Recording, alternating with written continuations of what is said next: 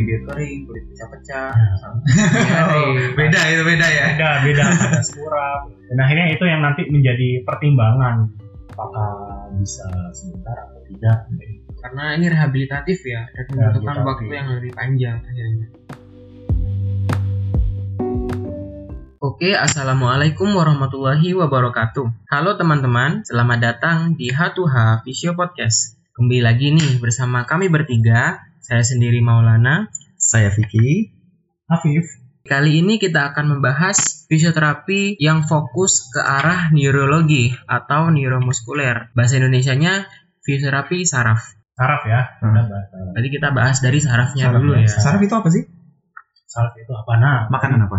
biar biar tahu ya saraf, saraf itu makanan apa Makanan biar apa? tahu saraf itu seperti apa gambarannya teman-teman kita coba sedikit review dan menjelaskan eh, apa itu saraf dan seperti apa fungsinya jadi yang pertama eh, saraf itu saraf itu adalah istilahnya dia itu seperti kabel yang menghantarkan informasi dan memproses informasi yang ada di seluruh tubuh kita. Kalau di komputer ibarat itu ada prosesor dan kabel-kabelnya. Di mana prosesor itu adalah otak untuk tempat e, memproses segala informasi dan kabel-kabelnya adalah e, Yang menghantarkan yang itu. menghantarkan itu.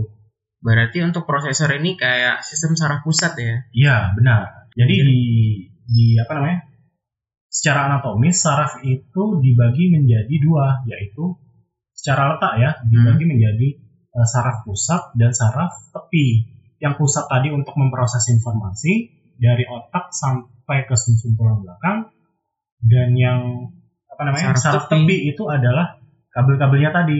Dia itu percabangan dari sumsum tulang belakangnya tadi yang keluar dari sumsum tulang belakang sampai ke ujung-ujung tubuh kita yang dia berfungsi untuk menerima dan menghantarkan informasi entah dari otak ataupun dari organ sensoris yang ada di ujung-ujung tubuh kita seperti itu.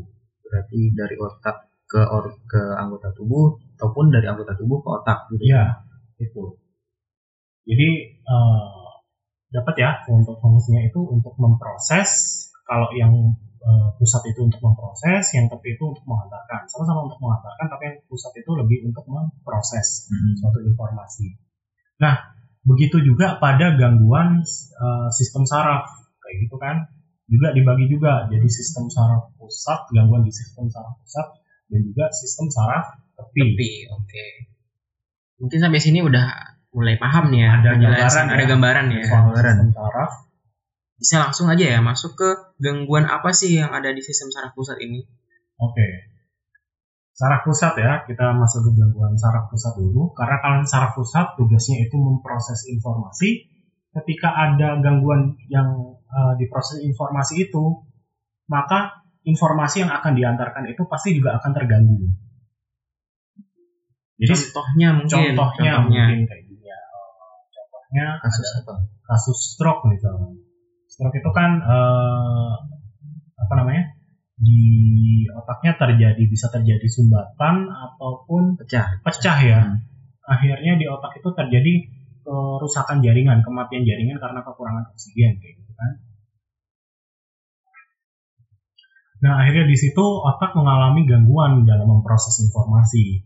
Dan akhirnya juga bergantung di bagian mana yang Hmm. terkena Dan luas kerusakan. luas juga. kerusakannya kayak gitu. Akhirnya apakah tapi secara rata-rata umum pas ini ya eh, pasti akan mengganggu eh, Motorik. motoriknya.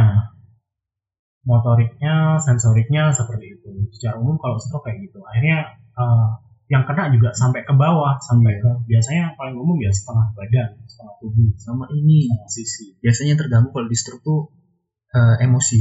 Emosi. Paling sering sih ya.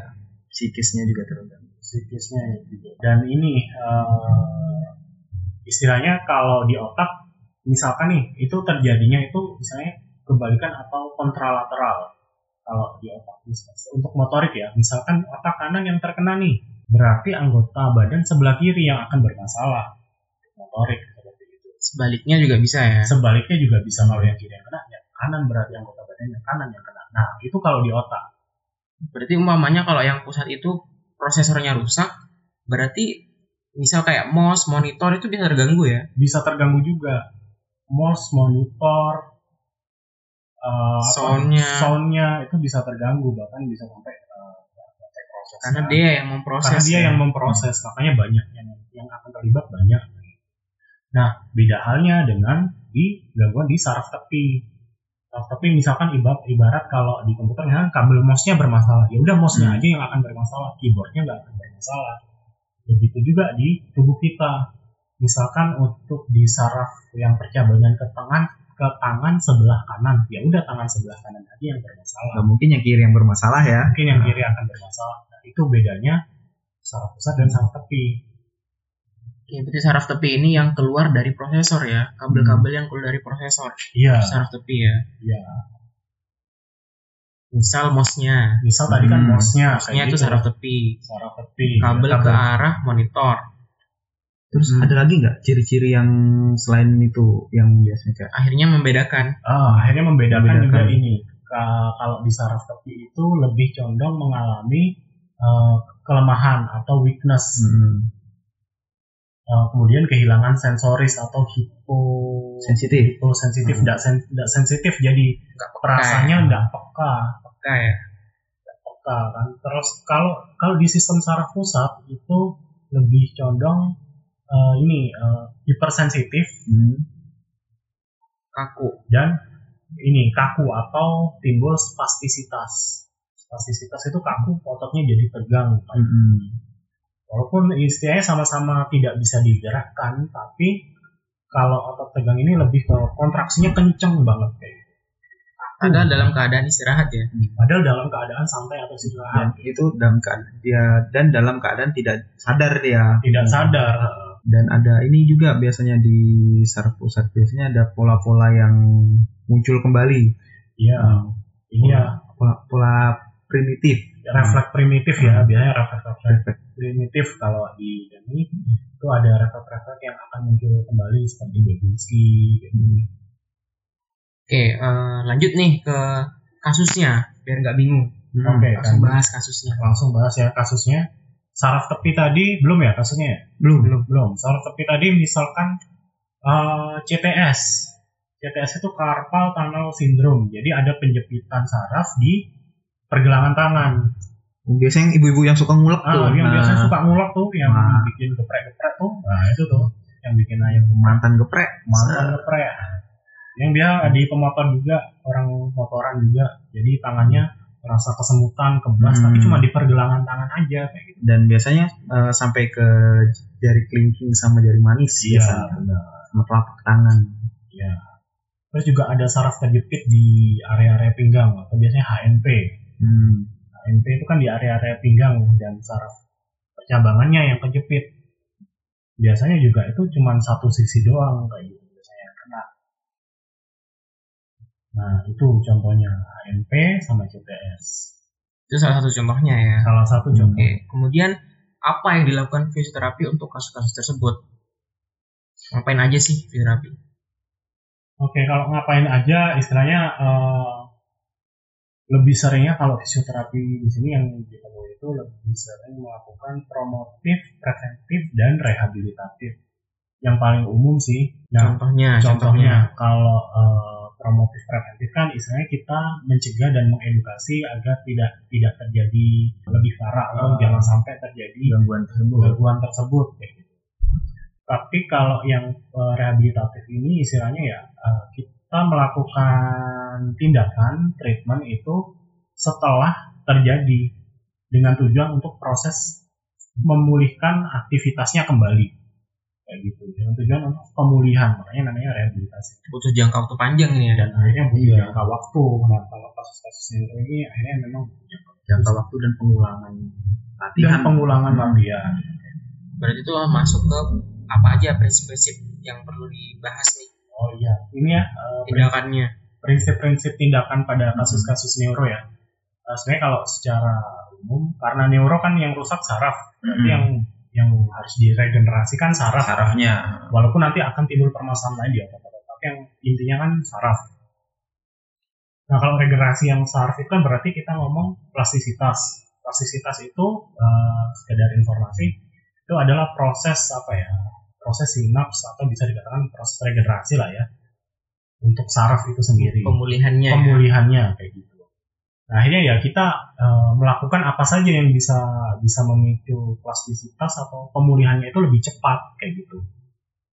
Misal eh, apa namanya? Kita melakukan gerakan itu seberkualitas mungkin, Hmm. sebermakna mungkin untuk pasien tersebut Seefektif mungkin. seefektif mungkin seefektif ini yang kayak gimana misal nggak usah banyak variasi yang penting eh, apa ya Fokus dulu fokus situ. dulu ke situ Hmm. sampai terjadi eh, pasiennya itu eh, pasien atau kliennya itu mengerti gerakan apa yang terjadi sadar Ah, sadar. sadar jadi seaktif mungkin Butuh pengulangan yang banyak juga ya. butuh pengulangan yang banyak itu eh, istilahnya eh, apa ya? Kan membiasakan akhirnya. untuk membiasa untuk menstimulasi dari ininya. Jadi semakin distimulasi terus eh, gerakan itu hanya terjadi eh, pembelajaran gerak. Istilahnya belajar tadi dari awal ya. ya Iya kayak misalnya kayak untuk stroke dia udah bisa jalan tapi kan kadang ada yang jalan pola jalannya ini kan. Pola jalannya ini. Kakinya ngelempar. Yang lempar keluar terus gimana ya kayak tangannya tangannya nggak gerak yang kaku Cenderung nekuk, kan itu kan harus diperbaiki. Eh, kan itu harus kita ajarkan Hmm. kembali. Dan ngajarin itu akhirnya kita ya harus fokus. Hmm. Relearning ya, relearning. Relearning. Mengajarkan kembali. ya bedanya di pediatri gitu. Iya. Jadi di pediatri mengajarkan. Kalau di dewasa relearning ya. Mengingatkan kembali. Mengajarkan kembali. Motor learning dan motor le- eh, relearning kayak gitu. Oke. Terus lanjut nih, eh, butuh berapa lama sih kalau misal yang rehabilitatif tadi waktunya? waktunya eh, relatif ini ya eh, untuk untuk saraf pusat dan tepi ini agak berbeda ya. Heeh. Eh, kalau saraf pusat karena memang condong lebih banyak yang terkena, lebih banyak komplikasinya, jadi memang agak butuh waktu. Tapi juga tidak tidak tidak menutup kemungkinan pulih kayak gitu. Misalkan kalau kenanya sedikit dan motivasinya tinggi kayak gitu kan, ya eh, cepat pulih itu sangat memungkinkan. Cepat bisa beraktivitas Hmm. kembali itu sangat memungkinkan. Sebaliknya saraf tepi itu kan bergantung tadi kan ada derajatnya ya grade-grade-nya itu ada derajatnya menurut pembagiannya. Misalkan misalkan ibarat kabel nih, ibarat kabel ada bagian pembungkusnya yang robek, ada yang dalamnya ikut robek, tapi ada yang cuma dalamnya robek, pembungkusnya nggak robek. Ada yang total Ada robeknya. yang totalnya robek. Nah itu yang itu nggak bisa balikan kalau putus gitu ya kalau terus nggak bisa. Nggak bisa balikan nih. Nggak bisa bisa, bisa balikan. balikan nih aduh nggak bisa bicarakan baik-baik Cuman kan emang ada uh, proses regenerasi lain kan. Jadi dia muncul cabang baru atau disambungin ke cabang yang lain. Kayak gitu kan. Nah itu pintarnya tubuh kita ya. Terus untuk kasus neuro ini, apakah akhirnya memang hanya fokus di neuro saja? Ataukah mungkin ada aspek-aspek lain yang perlu diperhatikan? Nah, itu tadi untuk uh, akhirnya kan kembali lagi untuk ini kan seberapa apa sih yang mempengaruhi uh, kondisi agar cepat pulih gangguan ini cepat pulih itu sebenarnya ada banyak sekali kan selain dari faktor latihannya sendiri yang memang harus rutin tadi kan Hmm. rutin repetisinya uh, banyak Pengulangannya berkual- banyak ya. berkualitas gerakannya berkualitas ada juga misalnya motivasi motivasi psikis. psikisnya kemudian lingkungan. lingkungan dukungan, Dukungan keluarga. kemudian apa lagi ya nutrisi. Nah itu penting tuh. Kualitas tidur sama dia ada penyakit penyakit bawaan enggak Heeh, kayak misalnya diabetes riwayat Heeh. riwayat yang lain Itu jatuhnya akan nanti urat. lebih lama lagi ya. bibir kering kulit pecah-pecah Ya. Sama- Nyari. beda itu beda ya beda beda ada suram dan akhirnya itu yang nanti menjadi pertimbangan apakah bisa sebentar atau tidak Karena ini rehabilitatif ya dan membutuhkan waktu yang lebih panjang akhirnya. Kalau bisa mengerjakan aktivitas yang kembali seperti semula. Oke, kurang lebih itu. Semoga bermanfaat. Terima kasih sudah mendengarkan. Wassalamualaikum warahmatullahi wabarakatuh.